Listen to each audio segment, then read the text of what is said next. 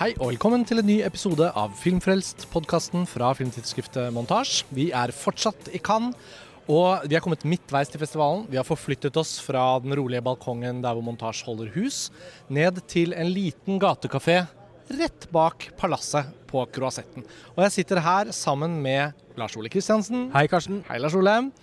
Vi holder ut fortsatt. Vi gjør det. Og med oss Truls Foss, programsjef på Vega Scene. Hallo, hallo. Godt å ha deg med på festivalpodkast igjen. Og um, du har jo som Lars Ole vært her siden starten. Og vi har jo hatt et par podkastepisoder allerede. Og gått gjennom mye av det vi har sett og oppdaget i første halvdel av festivalen. Og siden ikke du var med på de episodene, så føler jeg jo før vi skal komme til den filmen vi har i fokus, så var jeg nysgjerrig på å høre hvordan du liksom har lest T-bladene og følt det selv. Har det vært en bra utgave? Er du fornøyd hittil? Før festivalen så var forventningene ganske skrudd ned. Ikke fordi det var liksom et dårlig program, men det var liksom et veldig trygt program, følte jeg. Men så, så har det utvikla seg til å bli en veldig god årgang, føler jeg. Det har vært en veldig god variasjon i de filmene man har sett. Og veldig mange av filmene har vært veldig gode. Eh, sånn, det var gøy å ramse opp når man sitter med sånn rangering og se at en fjerdedel når jeg satt i over i går, Mm. var fem stjerner. Mm. Det, var, Ja. det var høydepunkt. Altså Og- fem av fem stjerner. Fem av fem stjerner, ja. Og det har vært noen sånn ordentlig store gallaopplevelser. Jeg har bl.a. fått sett Natalie Portman, som jeg, som jeg syns er en av verdens beste skuespillere. Da, og, og Todd Haynes og Julianne Moore, og også selvfølgelig da Martin Scorsese, Robert De Niro. Ja, når du sier DiCaprio. sett her, så mener du Ja, sett på nært hold. På nært Ja. hold på, Og for de som har fulgt med på Instagrammen til Montasje og, og alles personlige Instagrammer fra Cannes, så har det jo vært et litt sånn stjernetungt eh, nære møter-år.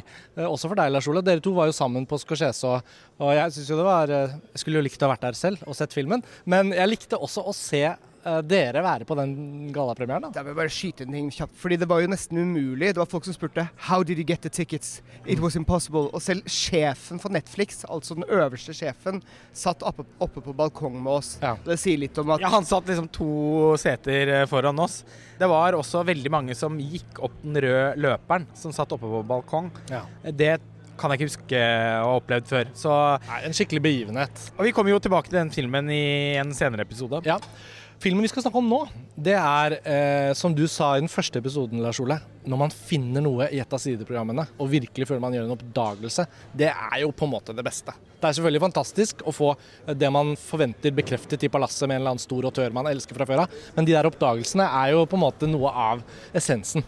Og vi skal nå snakke om The Sweet East, en amerikansk independent-film regissert av fotografen Sean Price Williams. Og Sean Price Williams har jo fotografert flere filmer som alle vi liker, og som vi har snakket om på podkasten tidligere. Vil du gi en kort liksom, riss av hans karriere, Lars Ole?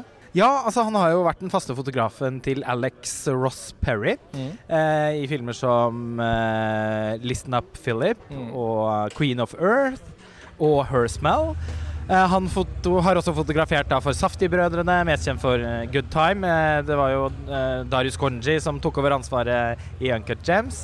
Og så var han både produsent og fotograf for Funny Pages, Mm. som hadde premiere i Cannes i fjor, og som vi lagde en episode om under TIFF eh, tidligere i år. Ja, det var en levende og morsom episode. Det var veldig gøy å snakke om den filmen. Der vil jeg bare si at uh, den vises på Vega scene i Oslo neste uke. Wow! Nei, ja, ikke neste uke, men i juni. Fra Ja. 1. juni. Starten av juni? Starten av Oi, juni. det må alle lytte til. Det er flere ja. visninger, så sjekk ut den. Det er bare å bla noen episoder tilbake hvis dere ikke har hørt den episoden. Hør den fra TIFF eh, i januar eh, om Funny Pages, blant annet. Men altså, det at Sean Price Williams går til regi på et prosjekt, det syns jeg nesten alltid er litt sånn stas når fotografer prøver seg. Det er ikke alltid vellykket, men det er litt sånn at manusfattere som prøver seg på regi, ja, det kan også skje. Skuespillere, det skjer ofte. Men fotografer, de gangene det skjer, så tenker jeg at det er en egen sånn forventning om et visuelt uttrykk, og at det er noe som følger med fra, fra liksom fotografens hva skal vi si, autørbidrag da, til de Ja, og I alle fall når det er en så særpreget fotograf som Sean Ja. Price Williams. Ja. Så hva, altså Sweet East ehm, Jeg tenker Det er jo en film som først og fremst lar seg best beskrive i form av hvordan den er laget, hva slags uttrykk den har, hva slags tempo, musikk, energi. Plott lar seg ikke helt ordentlig beskrive, men det er en veldig tydelig hovedkarakter. Så vi kan kanskje begynne der. Eh, Det handler om en ung jente, spilt av Talia Ryder, som er en up and coming star. Altså, det tar ikke mange filmene nå før hun kommer til å være sånn en av de nye. Hun gjorde veldig inntrykk på oss i Never Rarely Sometimes, Sometimes Always, Always. Eh, og dukket også opp i den herlige Netflix-filmen Do Revenge. Den må også folk se. Ja, det må man- jeg få sett òg. Ja, veldig bra. Do Revenge, rett på Netflix-film, med hun eh, Maya Hawk, blant annet. Men altså Denne hovedpersonen eh, som Ryder eh, gestalter, hvordan skal vi liksom beskrive henne og Lillian, eller Annabelle, som hun også kaller seg underveis. Hun er jo veldig opprørt. Hun er veldig På en måte så er hun veldig enkel og- et lerret som, eh, som man liksom projiserer filmens historie på. Fordi hun reiser jo den Alice i Wonderland-aktige handlingen som filmen har blitt referert veldig til. Men så er hun også liksom samtidig en moderne opportunist som griper mulighetene. og og bare også en nysgjerrig person som vil dykke inn i mange ulike miljøer og oppsøke ulike mennesker. ja, Hun er jo litt en sånn gritt. ja, hun er litt Ja, en gritt. ja, det var mange grittaktige Og ting her. veldig en del av liksom det moderne mennesket som, som skal oppleve mest mulig, få mest mulig innsikt i miljøer. Men det som er liksom befriende er at hun er jo ikke dømmende. Hun er et veldig åpent menneske Mm. Ja, og vi har jo nå et USA som eh, ikke lenger er så eh, Altså som, som på en måte ikke er helt åpne for den åpenheten. Ja. Altså, man skal ta stilling. Ja. Enten så er du for oss, eller så er du mot oss. Enten så er, tilhører du den ideologien eller den ideologien. Det å på en måte være en slags turist eh, i eget liv, på evig ideologisk safari eh, og identitetssøken på tvers av miljøer der du nærmest shopper eh, identitetsmarkører, det er jo også noe som ofte kan eh, oppleves som, som provoserende for folk. Og jeg tenker at eh, det er eh, noe i tiden da, som filmen forsøker å ta pulsen på. Veldig det så starter det veldig elegant med at hun først er med på det som en, at det er en berg-og-dal-bane hun bare må følge. For det bare begynner å skje. Det skjer jo inni en, eh, i en, inni en liten bar, så skjer det en situasjon som gjør at hun bare må følge etter noen, Mm. og så er selve liksom reisen i gang. Ja, ja, ja. Men så etter hvert så tar hun mer og mer kontroll over den reisen og nettopp begynner som du sier, med en viss form for shopping da, av miljøer og kultur. Ja, og begynner å ta regi, eh, rett og slett. Og hvis man kan skissere bare kort hva vi mener når vi sier det, så starter det med at hun er på skoletur til Washington DC for å se på monumentene med noen venner. Om det er fra liksom Det er ikke så veldig tydelig forklart. Men hun har en liten relasjon til en fyr, og det er liksom sånn det åpner. Og så er hun litt sånn fed up med den gjengen. Og så på denne baren som du nevnte, Truls, så havner hun litt sånn bokstavelig talt ned i kaninhullet nesten.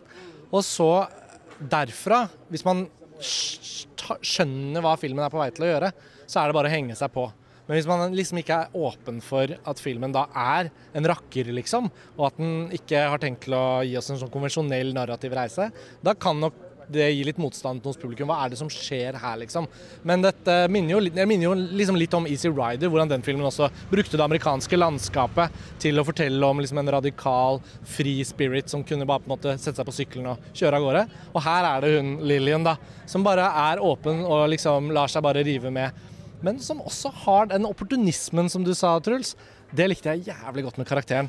Når man kommer litt ut i filmen og skjønner at det hun plukket opp fra forrige episode av livet, Ja. omformulerer hun og bruker i neste episode, hvor det er et eller annet som en karakter har sagt til henne tidligere, og så gjør hun det til sin egen innsikt. Og sånn er jo også livet litt, at man liksom kannibaliserer på andres innsikter og personligheter. Og at hun blir en sånn personifisering av deep narcissism. Når alt kommer til alt. Tenkte at det du var inne på det, Hvis du ikke er med på reisen som tilskuer, det er vel kanskje den største liksom, oppfordringen til lytterne som kommer til å se filmen. Bare liksom gi slipp med en gang, og bare vær med. Ikke, ikke hold igjen. Ikke prøv å stritte imot. Ja, og så ta en film som American Honey. Den er mye mer konvensjonelt narrativt faktisk konstruert, selv om det kan minne om når vi beskriver denne filmen. Liksom, Der er det jo også karakterer som er litt sånn i fri flyt i det amerikanske landskapet. Men det Andrea Arnold lykkes med der, er jo å holde fast ved å gjøre karakterportrett ut av hun, eh, hovedpersonen der, og, og, og liksom relasjonene, og liksom at den identitetsreisen har faktisk en tradisjonell narrativ reise, da, innad i det litt sånn flytende poetiske formspråket. Her er det ikke sånn.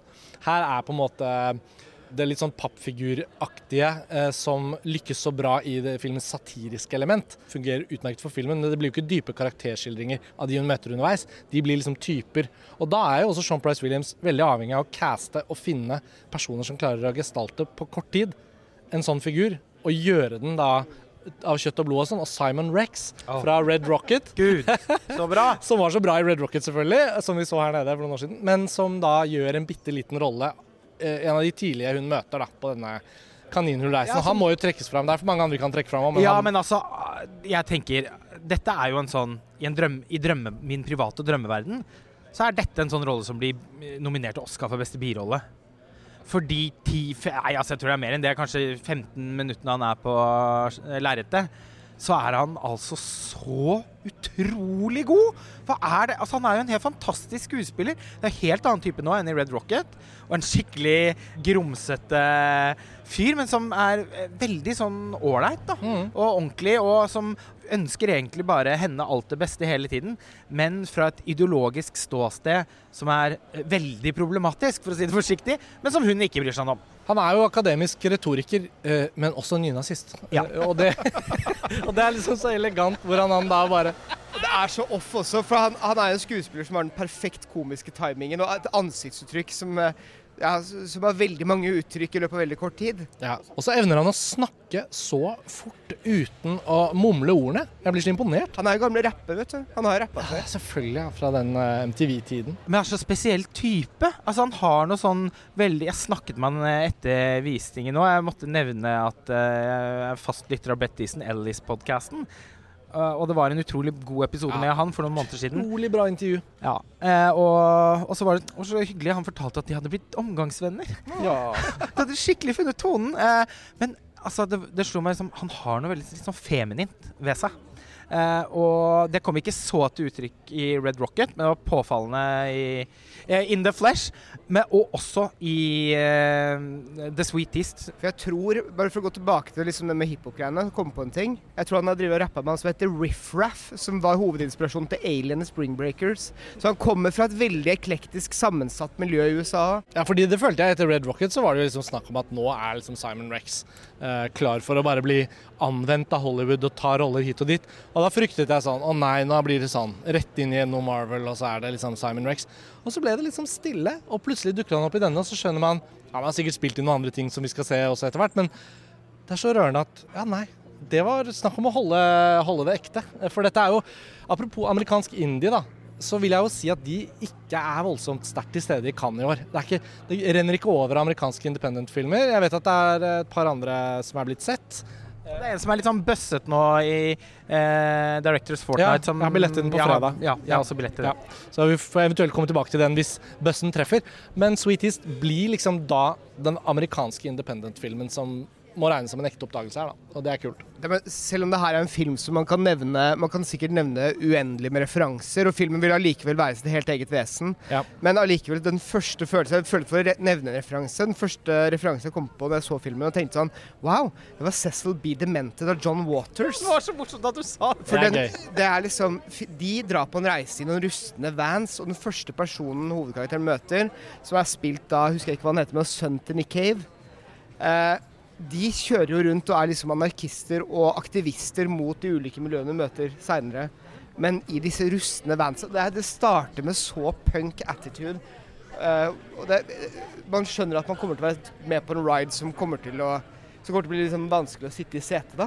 Ja, altså, og Lars Ole, vi hadde jo en Filmfrelst-episode for ikke så mange uker siden om uh, filmen 'Born in Flames', som uh, er eh, en snål, rar, men veldig interessant slags kultfilm, som også bruker denne type nesten sånn sjablong møtepunktet mellom dokumentar og fiksjon. Det er ikke like tydelig i The Sweeties, altså det er jo uten tvil en fiksjonsfilm, men den leker seg med liksom eh, det litt sånn eh, montasjedrevne Masse forskjellige eh, formater og. DV-cams Ja, og mobilopptak. Og Og tydelig en film som filma med lange scener, men klippa. Jobba Ja. hardt med Ja, jeg tror det. Og så- føler jeg at i Born in Flames så er det jo også fiksjonelle, revolusjonære bevegelser som på en måte opererer i fiksjonslandskapet til filmen, men at filmen på en måte ønsker å plassere de gruppene i den virkeligheten som ville vært dokumentarisk. da. At det er en liten sånn brytning der. Og det er jo også bare utrolig gøy å se, eh, fordi Born in Flames er jo en film som nesten har vært helt glemt. da. Eh, og, så jeg føler det ligger noe under overflaten her i referanselandskapet som også går helt ned på sånn bitte små vi har jo faktisk også en podkastepisode om Cecil Be Demented fra eh, den alternative Cannes-festivalen. Det er sant, vi kom I inn på det. 2020. Og det var første gang både jeg og Truls så den. Og jeg, jeg skrev en tweet om filmen rett etter jeg hadde sett den, om The Sweet East. Bare fordi i likhet med Truls så følte jeg også at her var det så veldig mange påfallende referanser Mm. som faktisk egner seg for å beskrive filmen, for noen som ikke har sett den. Dette er litt sånn Andy Warhol, Paul Morrissey, Godard i Viken-modus, Safti, Jarman, Waters, Born in Flames, Valerie and Her Week of Wonders og Alice i Eventyrland på en og samme tid. Og nå har jo du allerede nevnt uh, Born in Flames, og du har nevnt John Waters.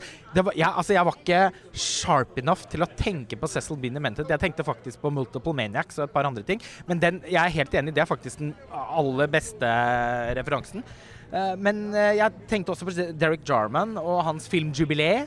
eh, og, og de skranglete filmene til Paul Morrissey som Andy Warhol produserte. Altså den, det, det er noe veldig Andy Warhol over denne filmens måte å være postmoderne og distinkt amerikansk eh, på, som også appellerte veldig, da. Alle disse referansene er jo tydelig spill i filmen, men så er de liksom blanda knadd så dypt inn i denne filmdeigen at allikevel så fremstår filmen bare som sitt helt egne vesen. Og det, det syns jeg kanskje er noe av det mest mesterlige med den filmopplevelsen. At den, den er liksom ikke den, er ikke, den står ikke i gjeld til noen på en måte etterpå. Nei, den gjør ikke det. Den er, den Det er, er ikke en pastisj, og det føles Nei. litt ut som dette er den filmen som, som Sean Price Williams har hatt lyst til å lage i mange år. For han har som er litt mindre stuerein. Kanskje har vært litt lei av de liksom litt mer konvensjonelle og ordentlige filmene han har jobba med. Jeg tenkte at nå skal jeg riste, nå skal jeg ja, røske Du mener. Good Time og ja. Ja, ja, men sånn Og Funny Pensions. ja, ja, Funny Pages tenker jeg kanskje er det som vippa det litt over. At filmen ble seende sånn ut som den blei. Men det er et veldig bra poeng, fordi det er jo også så gøy hvordan um, filmen sparker i absolutt alle retninger. Og nå på bussen på vei inn til Cannes fra leiligheten i dag, så hørte jeg en eh, samtale om filmen på eh, det amerikanske tidsskriftet Film Comment sin podkast fra Cannes. Så de har gjort en episode sånn som vi gjør det nå, eh, i går typ. Og altså, de taklet ikke at filmen liksom ikke tok stilling. Nei. De, de, de, de var sånn misfornøyde med denne filmen, og de kunne ikke bli mer sure på hvordan filmen Hvordan kan den tro at den bare ved å skyte i mange retninger er liksom nøytral? Bare, men den er ikke, det er jo ikke det at den er nøytral, poengen med filmen. Poenget med satire av denne art er jo at den hever seg over distinksjonene, og at den egentlig syns hele den diskursen i seg selv er verdt å kritisere. Og de går rett i fella. Og det var så interessant å høre på. Jeg tenkte å, stakkars dere. Dere gikk glipp av en stor filmopplevelse. Skulle gjerne egentlig likt å høre Thomas, Thomas Seltzer-episoden denne. Han hadde nok hatt mye spennende å si Ja. om denne filmen. Ja. Uh, og i motsetning til de amerikanerne naturligvis uh, likte den veldig godt. Men jeg, jeg har også registrert at den har fått en del litt sånn eh, forulempede kritikker. Og jeg syns nesten bare det gjør filmen enda bedre. For det sier noe om hvor godt den treffer.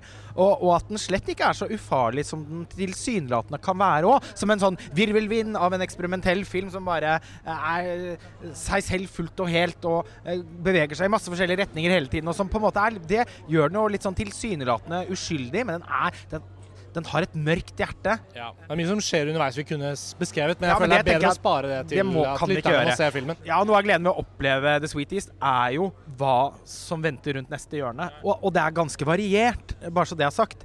Det dette er ikke en monoton film som på en måte repeterer seg selv hele tiden. Tvert imot så er alle disse segmentene ganske distinkt forskjellige. På et eller annet tidspunkt der så glir den over i en sånn, nesten sånn George A. Romero-aktig ekstrem eh, splatter. Eh, Og så er det- Helt inn fra venstre! Og bare wow! Hva som skjer nå? Og så er det plutselig noen scener nede ved vannet i en sånn, litt sånn romantisk setting som er litt sånn Elvira Madigang til Bo Widerberg. Ja. Det er liksom Den er all over the place, da, virkelig. Og til og med en fantasy-sekvens med et slott. Ja. Det syns jeg var stort. Ja, det var veldig stort. For da følte jeg filmen bød på et sånt overskudd som jeg ikke hadde forventet, og den ikke trengte. Nei. Det var helt unødvendig bra. Jeg vet det, for det kommer så sent i filmen. Ja. Tenker, Nei, nå har den ikke flere ting å spille Å, Oi! Den måten den tillater seg, det er de fysiske effektene som bare blir så morsomt også i det, film, i det landskapet den filmen her er i. Liksom, hvilket landskap er det? Jeg aner ikke. Men det at du ser, når du ser snøen på dette slottet, ja, det er skum. Ja. Ja, det altså, er liksom og vi, såpevann. vi har ikke snakket noe om David Lynch ennå i dette referanselandskapet. Ja, men- er Men jeg syns jo, ja, det skulle til å si det, da, at den skriver seg på en utrolig fin måte inn i den tradisjonen, uten, som du sa, Truls, altså den står ikke i gjeld til noen av disse referansene i det hele tatt. Og vi har ikke nevnt det ennå, men filmen er faktisk skrevet av en filmkritiker. Nick Pinkerton, som eh, har en veldig skarp penn, men som jeg har også beundret særlig mye etter å ha lest boken han skrev om Tsai Ming Liangs 'Goodbye Dragon Inn'. En sånn hel bok om den filmen som jeg har skrevet en artikkel om på montasje. Og da merket jeg meg, tenkte, for jeg har sett Nick Pinkerton på Twitter og lest en og annen tekst han har skrevet og sett bylinen, liksom. Men da ble jeg litt sånn Oi, det var en veldig fin måte å skrive en hel bok om en enkelt film på. Og så plutselig så har han skrevet dette manuset. Da blir jeg så jeg blir så glad, for det er så fint når det av og til skjer noe med en kritiker som brancher ut til et eller annet. Om det er Mark Cousins som har skrevet mye kritikk og gjort mye og blitt filmskaper plutselig. og så, ja. Så det var veldig sånn fint. Jeg føler vi måtte nevne han. Ja. Anyway. Den, han klipperen på filmen, av alle ting. Eh, jeg så en film i Venezia for noen år siden, en dokumentar av Abel Ferrara som het 'Sporten Life'. Og Ja. det, er, det er en film som består av mye, mye, mye kaos og eh, og mye opptak. Og der tror jeg også Sean Price Williams har fotografert litt òg, til og med. Ja, fordi Sean Price Williams har også fotografert en annen Abel Ferrara-film. Ja. Så it's all connected. Det, is all connected, men det at han det at han klipperen der er connecta til den filmen, her, gir også mening. fordi han må jo sette seg inn i disse liksom gale kunstnerhuene Mm. og prøve å skape en slags mening i alt det de vil fortelle. Skjønner. Så det, jeg følte at det var en sånn Ja, det, det ga mening. Jeg så navnet, og det var én klippekreditert. tenkte jeg sånn oh, det var eh, veldig imponerende. Å sitte alene med hele den jobben der. Ja, et, et, et, etter sigende et enormt stort materiale som har blitt til en film i klipperommet. Og det er noe med den friheten her som bare gjør at det, det føles litt mer kunst og mye annet for min del. Altså.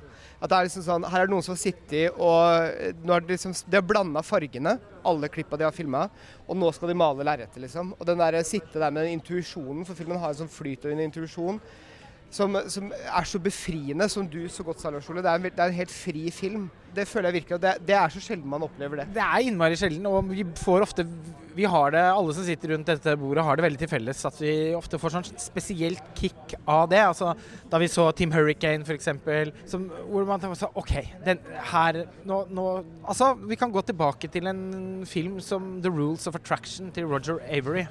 Det er jo ikke bare en suveren adaptasjon av en fantastisk roman av Brett Easton Ellis, men et eh, egentlig et slags nøkkelverk i amerikansk independent-film eh, fra de siste 20 årene. Fordi den på en så go for broke måte viser oss hva film kan gjøre for noe. Bare, bare regissøren har nok lyst. Ja, ja, ja. Alle mulighetene. Man bretter det ut, liksom. Det er fantastisk. Tenk så mange grep, virkemidler som finnes, og som man kan ta i bruk. Og så kanskje teste det ut og finne ut av uh, hva som skjer etterpå.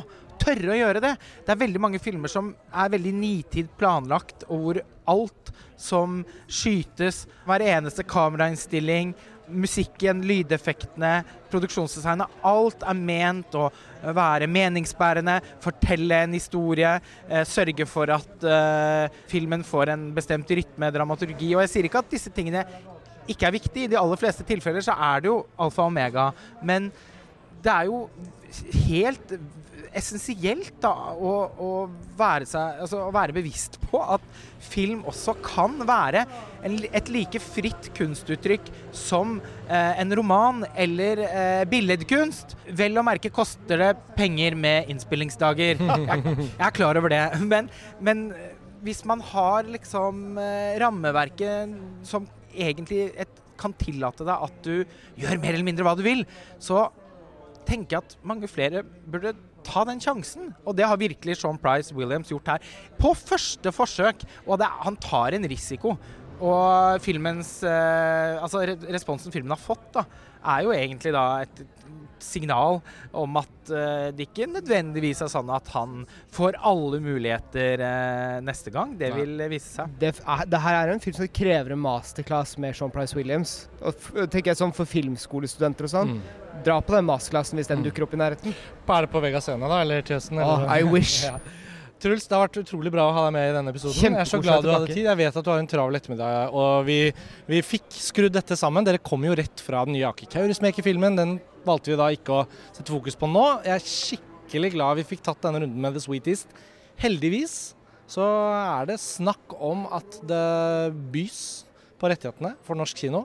Så vi får bare håpe at det går den retningen eh, vi håper. Og at hvem nå enn som får rettighetene, kjører den ut på kino og gir den masse synlighet i Norge. Og dermed kan dere som hører på nå, forvente å få se den når tiden er inne. Vi er velsignet med at eh, et par norske distributører virkelig elsket filmen. Mm. Og som sagt, det, det har vært veldig delte meninger om The Sweet East, men Jeg tenker at de som eh, drar kjensel på de referansene som vi har slengt ut, og allerede begynner å bli nysgjerrig, og som har et forhold til eh, Sean Price Williams fra tidligere av, og denne, dette miljøet som han er en del av, bestående av Alex Ross Perry, Saftig-brødrene, eh, som jeg virkelig tenker at det er noe, altså kanskje det beste som har skjedd amerikansk Er er- independent-film på mange, mange år. Er det nye New Hollywood på en eller annen måte fra 70-tallet? Ja, New- et New York-basert Ja. New Hollywood på 2020-tallet. Og så må man jo selvfølgelig også kaste inn Brady Corbett eh, og Mona Fastvold Ja, i denne miksen. men det var jo sitt eget miljø igjen, ikke sant? Hvor, eh, hvor eh, Sean Durkin